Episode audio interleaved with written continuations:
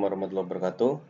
K9 Podcast dan kali ini gue pengen ngebahas tentang uh, beberapa update ya yang tentunya mudah-mudahan berguna buat sebagai informasi sekaligus juga pengetahuan bagi teman-teman semua. Yang pertama gue pengen ngebahas tentang sponsorship deal Milan yang baru saja uh, dituntaskan ya dengan uh, Emirates uh, apa namanya sebuah perusahaan pesawat air atau aircraft industry ya dari Middle East dari Dubai ya. Lalu kemudian eh, tentang eh, bagaimana eh, strategi transfer Milan musim depan dan siapa aja pemain yang jadi wish listnya gue ya. Terus kemudian yang ketiga tentu sedikit preview eh, Sampdoria Milan gitu ya. Dan juga ada kejutan soal giveaway nanti. Ya, mungkin gue akan singgung sedikit lagi. Uh, yang pertama tentu gue pengen ngebahas tentang uh, deal sponsorship Milan dengan Fly Emirates ya. Baru aja diumumin Milan melalui uh, Chief Revenue Officer ya, yaitu Kasper Stilsvik ya. Itu mengumumkan bahwa mereka resmi untuk uh, apa namanya menjalin kerjasama dengan Emirates, memperpanjang maksudnya, memperpanjang kerjasama dengan Emirates ya. Dikutip dari Rossoneri Blog ya, uh, Stilsvik uh, bilang bahwa Milan is delighted to announce the renewal of its sponsorship agreement with world-class airline Emirates until the end of 20, 2022 uh, and 2023 season. Nah, itu kan berarti kerjasamanya itu diperpanjang sampai tahun uh, sampai musim 2022 sampai 2023. Nah, dengan begini logo dari Emirates akan berada, akan tetap terpampang di dalam di depan di bagian depan dari jersey Milan ya untuk tim senior uh, tim sepak bola laki-laki ya tim senior biasa maksudnya lalu kemudian youth team atau tim muda untuk uh, Akademi Milan ya yang sudah berlangsung lebih dari 10 tahun ya. Sebenarnya Milan apa Emirates ini juga sudah menjadi sponsornya Milan dari tahun 2007. Tapi kemudian dari tahun 2011 ya Emirates itu menjadi sponsor yang prinsipal, prinsipal sponsor alias sponsor utama bisa dibilang ya dari di antara sponsor-sponsor lain gitu ya. Kan sponsor Milan juga uh, banyak ya, ada Skrill, ada apalagi tuh pokoknya banyak lah perusahaan-perusahaan. Kalau dulu tuh Dolce Gabbana ya, sekarang udah enggak Dolce Gabbana setahu gue. Nah, Emirates itu jadi sponsor yang paling besar gitu ya, principal partner sebutannya. Gitu ya. Dan apa namanya di sini uh, Still Speak juga menambahkan ya bahwa mereka sangat senang sudah mengumumkan perpanjangan tiga tahun uh, kerjasama dengan Emirates ya, yang mana di tengah uh, apa namanya uh, pandemi global coronavirus ini dealnya ini bisa tetap terjalin dan bisa tetap untuk uh, berjalan menguntungkan kedua belah pihak gitu ya. Dan Nilainya, nah ini yang menarik juga nih, nilainya adalah turun sebenarnya, turun 15%. Jadi sekarang Milan itu menerima 14 juta, ya 14 juta euro. Tapi eh, Milan itu sekarang harus menerima ya 15% ya, kurang lebih berapa ya? Eh, 12, 11, 12 segitulah. Antara 11 atau 12 juta euro per musim. Gitu. Ini artinya apa? Bisa jadi Emirates itu ngelihat bahwa prestasi Milan itu harus bisa balik lagi. Gitu ya, harus bisa balik lagi untuk bisa mendapatkan kontrak yang lebih baik. Tentunya kontrak ini juga bisa eh, apa namanya ada bonus performance ya. Jadi kalau misalnya Milan bisa lolos ke Liga Champions itu ada tam ada bonusnya kayak gitu-gitu. Begitu juga untuk misalnya lolos ke Liga Eropa, bonusnya berapa, ke Liga Champions bonusnya tentu lebih besar gitu. Dan ini juga mengindikasikan ya bahwa uh, dunia usaha juga sangat concern terhadap uh, uang yang mereka taruh di klub gitu. Artinya kalau klubnya itu dirasa reputasinya makin menurun, mereka juga nggak akan naikin nilai. Malah jadi bisa jadi nurunin nilai, tapi ya untuk kasus Milan ini mereka baru mau ngasih bonus kalau Milan berprestasi. Jadi tergantung prestasinya gitu. Artinya udah ada skeptisme sebenarnya di sini kalau lo lihat ada keraguan dari dunia usaha bahwa Milan ini bisa perform nih. Mereka kan kalau untuk uh, supaya sponsorshipnya itu menguntungkan, supaya Milan itu apa so, sorry apa misal supaya brandnya itu bisa dilihat oleh uh, penonton secara global kan itu harus dibawa ke kompetisi yang prestisius dan global juga dan kompetisi prestisius itu adalah Liga Champions gitu. Jadi ya gimana ya buat Emirates sendiri ya mungkin yang nggak nguntungin kalau sponsorin klub yang cuman ngandelin sejarah dan udah lama nggak lolos ke Liga Champions. Makanya uh, untuk itulah harusnya Milan tuh balik lagi ke Liga Champions supaya nilai sponsornya itu makin meningkat. Nah, menariknya juga nih, uh, nilai uh, Fly Emirates itu kan bukan pemain lama eh bukan sorry bukan pemain lama, maksudnya bukan pemain baru gitu di dalam dunia sponsorship sepak bola. Mereka tuh udah dari udah lewat satu dekade lalu lah, udah lebih dari satu dekade untuk mensponsorin klub sepak bola. Jadi selain Milan, itu ada banyak klub yang disponsorin oleh Emirates. Mungkin lu juga familiar klub seperti uh, Real Madrid, uh, kemudian PSG, lalu kemudian Arsenal, lalu kemudian uh, Hamburg SV, dan juga uh, satu lagi Olympique Lyon yang baru baru aja menjalin kerjasama dengan Emirates ya. Dan menariknya Olympique Lyon itu uh, nilai sponsornya lebih besar dari Milan ya partnershipnya.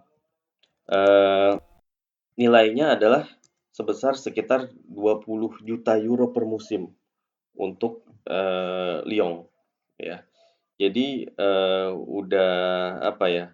Dari bulan Februari 2020 itu Emirates mengumumkan partnership dengan klub dari Prancis ini uh, dengan kerjasama selama lima musim ya lima musim dan ini adalah proyek barunya dari si apa namanya si Emirates ya menggantikan uh, Hyundai yang biasanya jadi sponsor uh, partner utamanya Olympic Lyon gitu dan nilainya nilainya uh, 20 ya apa namanya 20 juta. Padahal sebelumnya Lyon sama Hyundai itu nilainya 5 5 juta, 5 juta euro, tapi uh, oleh apa dengan Emirates, wah ini mantep banget empat kali lipat ya. Itu kan berarti kan uh, Lyon itu punya reputasi yang bisa dibilang uh, dibilang lebih baik juga enggak sih ya, tapi paling enggak performa mereka kan lebih baik. Mereka sering tampil di antar klub Eropa dan jangan lupa juga gua rasa juga ada faktor bahwa Olympique Lyon itu punya tim sepak bola wanita yang paling tangguh di dunia, paling bagus di dunia, paling sering juara gitu. Jadi boleh uh, boleh jadi ya dengan meningkatnya popularitas sepak bola perempuan ya, ini adalah sebuah, uh, apa ya, nilai plus bagi klub itu untuk, uh, sponsor. Jadi makanya nggak bisa dikesampingkan begitu aja sepak bola perempuan gitu. Nah, kalau dilihat lagi dibandingin dengan, tim-tim lain yang juga disponsorin oleh Emirates, tentu, uh, nilai yang di dapatkan Milan makin jauh ya. Arsenal dan Real Madrid itu yang paling tinggi, yang paling tinggi nilainya sejauh ini mereka itu 150 juta untuk lima tahun. Artinya semusim itu kira-kira 30, 30 juta. Itu kurang lebih hampir tiga, tiga kalinya dari nilai sponsorshipnya Milan. Ya tentunya kalau ngelihat dari reputasi, uh, apa namanya, Milan di belakang mereka ya, di belakang Real Madrid dan Arsenal. Kita nggak usah ngomongin sejarahnya deh, ngomongin keikutsertaan ke kompetisi antar klub Eropa. Uh, kalau apalagi kalau ini Milan sama Arsenal misalnya, ini kalau Milan sama Madrid ya nggak usah dibandingin lah, gitu. Uh, nggak usah dibandingin, jauh banget antara langit dan bumi gitu kalau Milan dan Madrid itu. Jadi ya wajar kalau apa namanya Emirates itu uh, apa namanya nggak ragu gitu, nggak ragu untuk uh, memberikan kontrak ya. Dan uh, tahun 2017 ya, apa namanya itu uh, Real Madrid mendapatkan sponsor yang nilainya 70 juta euro. Ada diperbaharui nilainya. Uh, diperbarui sejak tahun 2017 itu nilai sponsornya 70 juta euro per musim. Itu uh, apa namanya? memecahkan rekor, memecahkan rekor sponsorship termahal yang sebelumnya dipegang oleh uh, Manchester United ya, sebelumnya sama Chevrolet itu uh, 62 juta euro per musim dan juga Barcelona yang 55 juta per musim dengan Rakuten gitu. Jadinya ya jauh banget lah. Berarti Madrid itu sponsorshipnya tujuh kali lipatnya dibandingkan dengan Milan ya. Makanya itu uh, kalau di mata dunia usaha ya, di mata para pemegang apa namanya uh, pemegang uang gitu, yang menanamkan uang di klub itu nggak bisa cuman ngebandingin sejarah doang, cuman ngomongin sejarah doang. Lu harus menunjukkan prestasi gitu. Kan supaya prestasinya itu supaya juga meningkatkan brand awareness daripada si brand tersebut gitu. Jadi semakin si klubnya itu tampil uh, di Liga Champions ya dan juga berprestasi di Liga Champions, tentunya orang kan akan banyak ngebeli jersinya dan banyak merecognize brand dari Fly Emirates itu sendiri. Nah, ya udah apa uh, gua rasa sih itu aja pembahasan dari uh, sponsorship ya. Dan bagi Milan tentunya ini adalah sebuah cambuk kalau gua gua rasa sih. Selain uh, apa namanya ini juga adalah sebuah peringatan ya. Ini juga harusnya jadi motivasi ya bagi skuad Milan, bagi teknis apa namanya tim uh, sepak bolanya Milan gitu untuk terus meningkatkan prestasi. Oke. Lalu yang kedua gue pengen bahas tentang uh, wish list atau ya bisa dibilang impian gue lah gitu pemain-pemain yang gue harapkan bisa join ke Milan gitu di musim depan.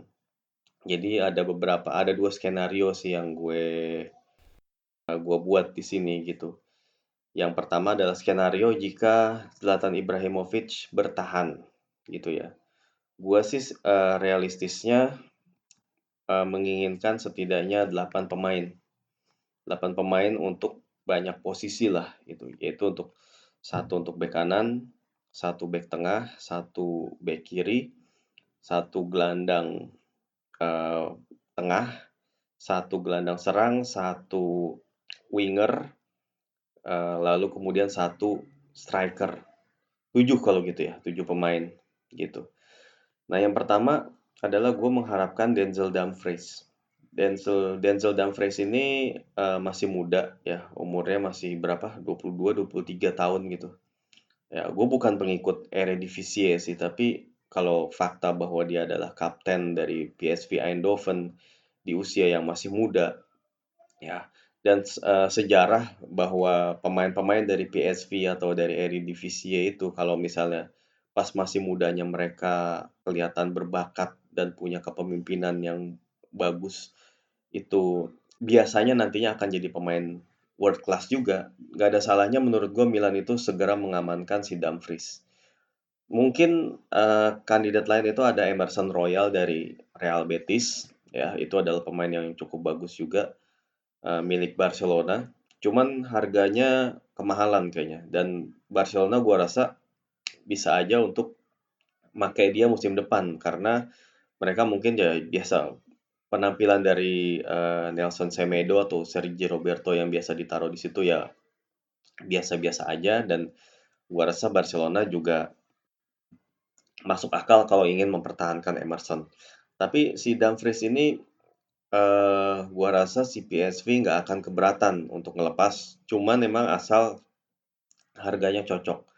Gua rasa sih Milan penuhin aja demand-nya si PSV, mau minta berapa misalnya di atas 20, kasih aja. Gak usah tanggung-tanggung gitu dalam ngincer uh, bek kanan. Karena emang bek kanan ini posisi yang emang gue setuju nggak konsisten banget di Milan. Entah itu Conti atau Calabria yang bergantian di posisi ini. Itu sering banget nunjukin inkonsistensi gitu. Baik dalam hal menyerang ataupun fase bertahan gitu ya. Dengan kehadiran seorang Dumfries gue gua rasa itu salah satu masalah itu bisa terpecahkan gitu lalu yang kedua Nikola Milenkovic ya Milenkovic ini tentunya adalah uh, pemain yang juga gue suka ya di Fiorentina ya dia pos posturnya bagus, tinggi, dan dia punya kelihayan juga dalam mencetak gol. Beberapa gol dia buat lewat skema uh, bola mati atau tendangan sudut lah uh, untuk Fiorentina. Dan Milenkovic juga selain posturnya bagus, dia juga masih muda, 22 atau 23 tahun lah lupa. Jadinya ini bisa jadi long term partnership dengan Alessio Romagnoli. Emang Milan masih punya Simon Kjaer, tapi ya tentunya nggak bisa diandelin terus Simon Kjaer usianya udah 31 tahun ya. Dan Simon Kjaer juga kadang-kadang lambat ya. Makanya gua rasa butuh pelapis yang sangat-sangat mumpuni ya dan Milenkovic ini akan belajar di Milan dan paling nggak dalam dua musim dia akan menyegel posisi tim inti. Bahkan mungkin satu musim kalau dia bisa uh, impress gitu ya. Lalu kemudian nah untuk back kiri nih gue punya opini yang agak berbeda ya. Namanya juga opini dan namanya juga ini wishlist ya. Dan gue berharap dengan Christian Ansaldi, pemain uh, back kiri dari Torino. Nah Ansaldi ini emang udah tua ya. Nanti bulan Agustus atau September gitu usianya udah menginjak 34. Cukup senior gitu. Tapi buat gue sih Ansaldi ini gaya bermainnya gue suka banget ya. Skillnya kemampuan umpan silangnya itu gua rasa akan berguna. Ya. Cukup banyak peluang-peluang Torino tuh lahir dari dia gitu. Menurut dan menurut gua performa buruknya Torino musim ini nggak sejalan. Maksudnya nggak membuat Ansaldi juga jadi pemain yang performanya juga jelek gitu. Ansaldi ataupun Belotti itu adalah menurut gue dua pemain yang cukup stand out ya di antara pemain-pemain Torino yang mengalami penurunan dan gua rasa sih Ansaldi juga bisa didatengin dengan harga yang nggak terlalu mahal karena udah tua juga. Paling ya 3 juta atau paling mahal 5 juta euro bisa lah, worth it untuk menurut gue dan gajinya juga paling ya di di angka 1 juta, paling mahal 2 juta gitu. Gue rasa kalau untuk jadi backupnya Theo Hernandez itu bisa banget. Dan dia juga bisa main di sisi kanan, jadi dia bisa sewaktu-waktu main jadi uh, back kanan. Dia punya dua kaki dan punya kemampuan nyerang yang sangat luar biasa menurut gue nggak ada salahnya Ansaldi didatengin. Lalu kemudian Milan juga butuh seorang sebuah marquising marquis signing. Mar marquis signing artinya uh, transfer yang emang mahal ya harganya yang emang uh, pemainnya itu tentunya dibutuhin dan pemainnya itu uh, bisa dibilang pemain muda yang berpotensi besar. Gitu. Jadi Milan itu invest ya dan gue berharap banget Sandro Tonali datang karena Tonali sudah berulang kali ngomong bahwa dia fans Milan dan itu nggak bisa disia-siain begitu aja sama Milan. Dan menurut gue Milan perlu segera memulai negosiasi dengan Massimo Cellino, presiden dari Brescia. Dan menurut gue ya udah itu sama kayak Denzel Dumfries, turutin aja si uh, Cellino mau kayak gimana. Mungkin ya Milan uh, Maldini dan kawan-kawan udah punya budgetnya gitu. Tapi ya udah uh, misalnya cuma beda tipis 2 juta 3 juta ya udahlah gitu. Turutin aja gitu. Paling nggak kan uh, Tonali itu masih muda dan masih bisa berkembang dan tentunya sangat bagus banget kalau bisa dipartnerin atau di main ganti-gantian sama Benacer dan Kessie. Ya, kalau Milan main di Eropa uh, musim depan tentunya butuh uh, sebanyak mungkin Eh, pemain-pemain yang berkualitas ya. Uh, butuh squad depth alias kedalaman squad. Dan inilah yang akan dibutuhin apalagi target musim depan misalnya lolos ke Liga Champions. Tentunya pemain seperti Tonali ini uh, akan menjadi uh, apa namanya tenaga yang sangat berguna. Dan nggak lupa kalau bisa ngedatengin Tonali itu jadi kayak statement gitu buat klub lain. Oh ini gue berambisi nih. Lu lihat gue nih kayak gitu gitu tapi kalau seandainya emang nggak jadi Tonali ya nggak masalah juga. Toh masih ada pemain-pemain yang uh, karakteristiknya similar kurang lebih sama dia dan mungkin aja harganya lebih murah. Bisa aja Milan coba reignite sama Bakayoko lagi. Itu juga bukan hal yang jelek. asal nilai transfernya diturunin dan gajinya bisa diturunin juga. Lalu kemudian selain Bakayoko, bisa juga Milan ngedatengin Mark Roca. Mark Roca ini pemain Espanyol yang uh, timnya itu tentunya baru saja degradasi. Tentunya harganya akan lebih murah. Tadinya dia punya release clause 40 juta euro, tapi kalau degradasi kali aja bisa turun jadi setengahnya. Gitu, jadi 20. Itu worth it banget.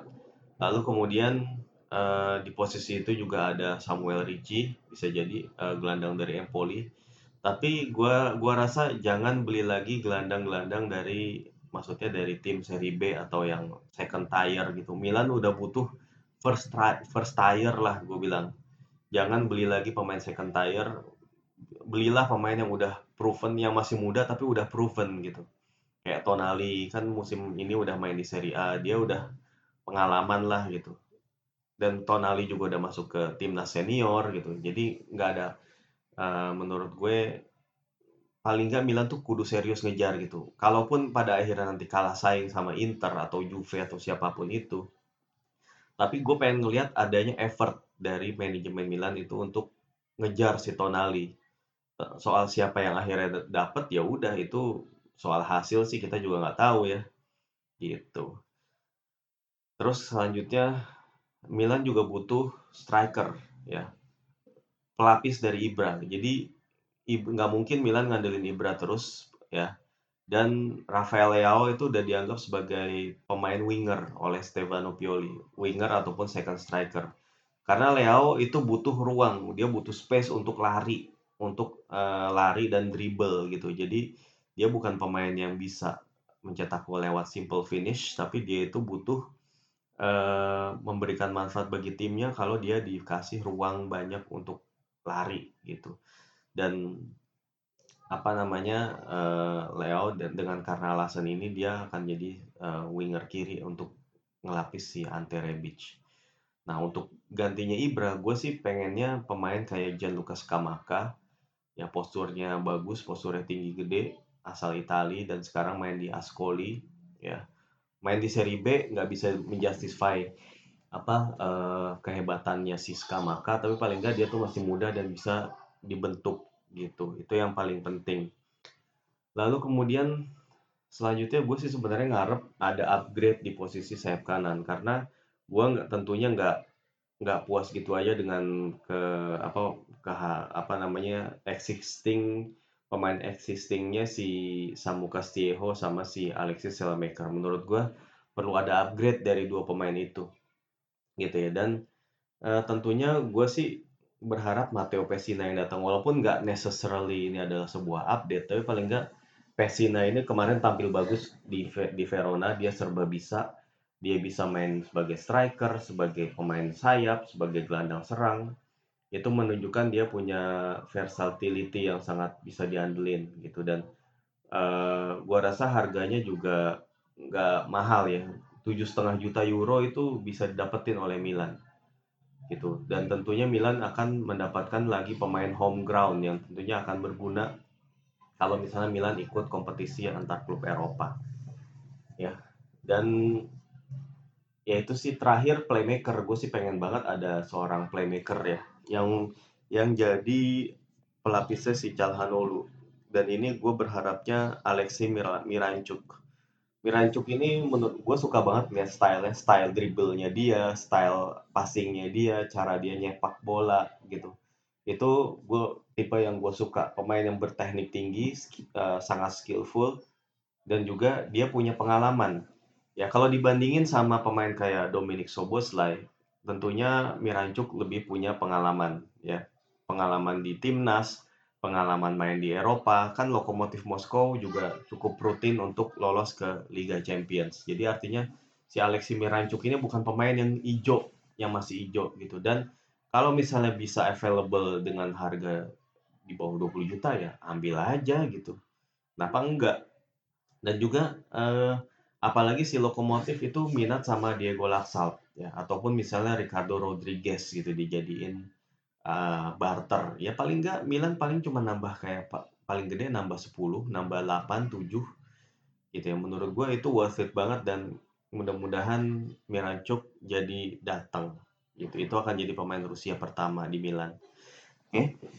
Uh, eh, kalau soal match preview Sampdoria Milan, gue sih nggak banyak komen lah ya.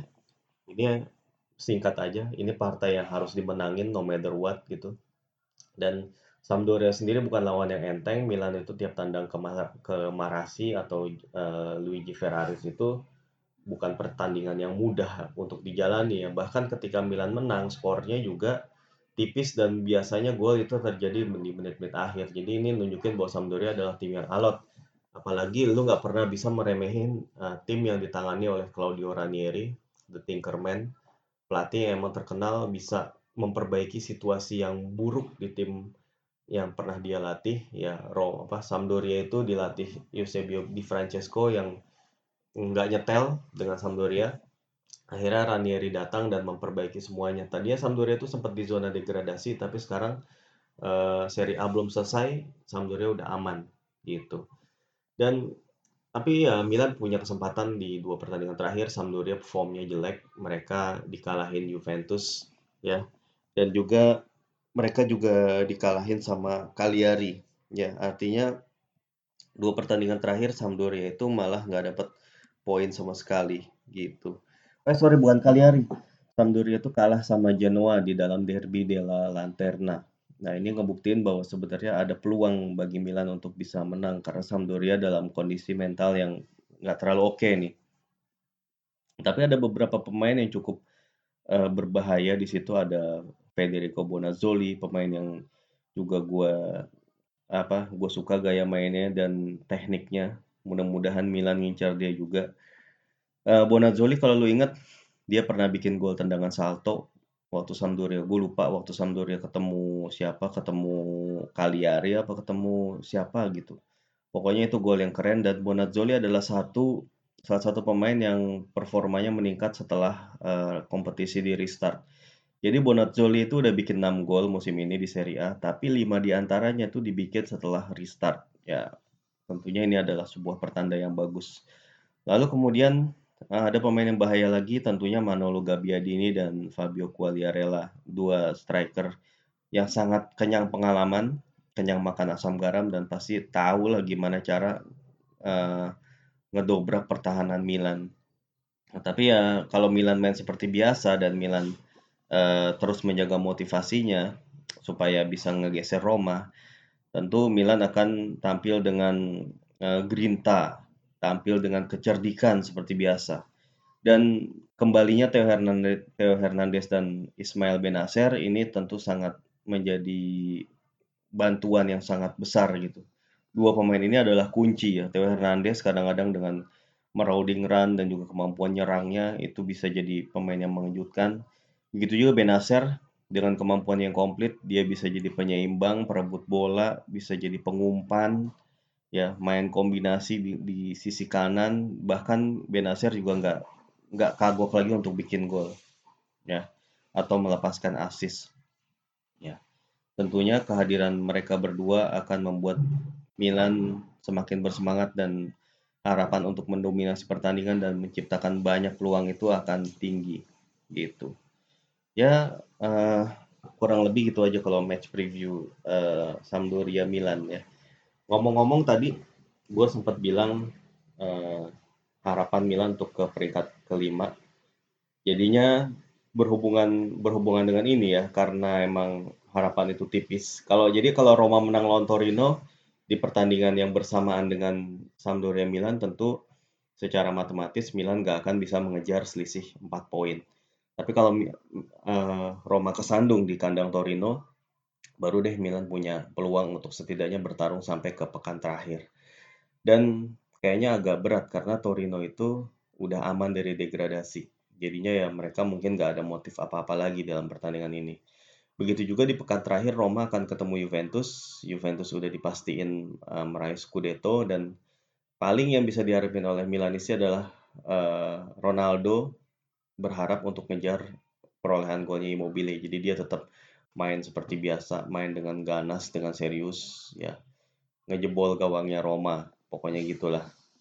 Tolong ya, Mamang CR7. Lalu kemudian uh, tadi sehubungan dengan hal ini, gue juga uh, memberikan giveaway. Mungkin lu udah ngeliat tweet gue sebelumnya. Giveaway-nya berupa tim uh, jersey timnas Italia home 95 kon uh, size L ya kondisinya used alias bekas tapi masih excellent untuk kain yang usianya segitulah ada di tahun 90-an akhir. Dan tentunya syarat-syaratnya lu silakan dengerin podcast Ngalcio yang edisi terbaru yang judulnya pokoknya hadiah berbagi hadiah atau apalah gitu edisi hadiah atau apa. Lu dengerin syarat-syaratnya di situ lu kerjain semua nanti ya tunggu tinggal tunggu kalau misalnya lu udah ngerjain syaratnya semua, terus Roma Romanya yang di atas Milan, ya mohon maaf, nggak bisa gue berikan. Tapi terus kalau misalnya lu udah ngerjain semua syaratnya dan kemudian Milan finish di atas Roma atau peringkat kelima, tentunya habis itu uh, akan ada pengumumannya di channel YouTube Ngalcio kemudian. Tapi ya tentunya untuk lu bisa ngikutin quiz ini sebenarnya intinya lu adalah penikmat dari Casa Milan Podcast lu adalah juga pengonsumsi konten-konten dari Ngalcio. Caranya gimana? Silakan dengerin di podcast. Dan tentunya kami juga berharap dengan uh, partisipasi dan dukungan dari teman-teman semua, Ngalcio bisa tetap ber, ber, beredar lah, berkibar dan makin berkibar mudah-mudahan. Karena emang mm, Ngalcio ini menurut gue sudut punya sudut pandang sudut pandang yang menarik. Ya lu bahas seri A dari segala macam angle, dari segala macam uh, disiplin ilmu, ya, dari segala macam pandangan-pandangan dan rubrik-rubriknya juga macam-macam, ya.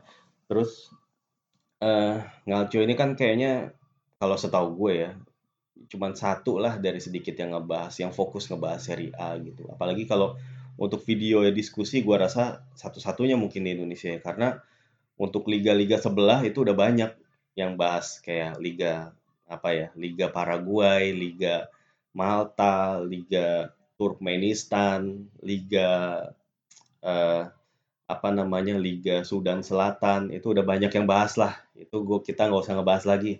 Kemudian kita bahas seri A aja gitu yang biar beda dikit lah dari yang lain. Karena ya mereka tentu yang udah ngebahas liga-liga yang tadi disebutin tentu mereka yang lebih ahli lebih expert di bidangnya. Dan kita sih nggak Ya paling sesekali cross genre oke, tapi kalau untuk ngebahas rutin liga-liga itu gua enggak. Gitu. Jadi kita akan tetap ngebahas Liga Italia. Oke deh. Uh, kurang lebih itu aja sih yang mau gue sampaikan di episode kali ini. Mohon maaf atas segala kesalahan dan makasih banget udah setia ngikutin Kasa Podcast ya. Wassalamualaikum warahmatullahi wabarakatuh.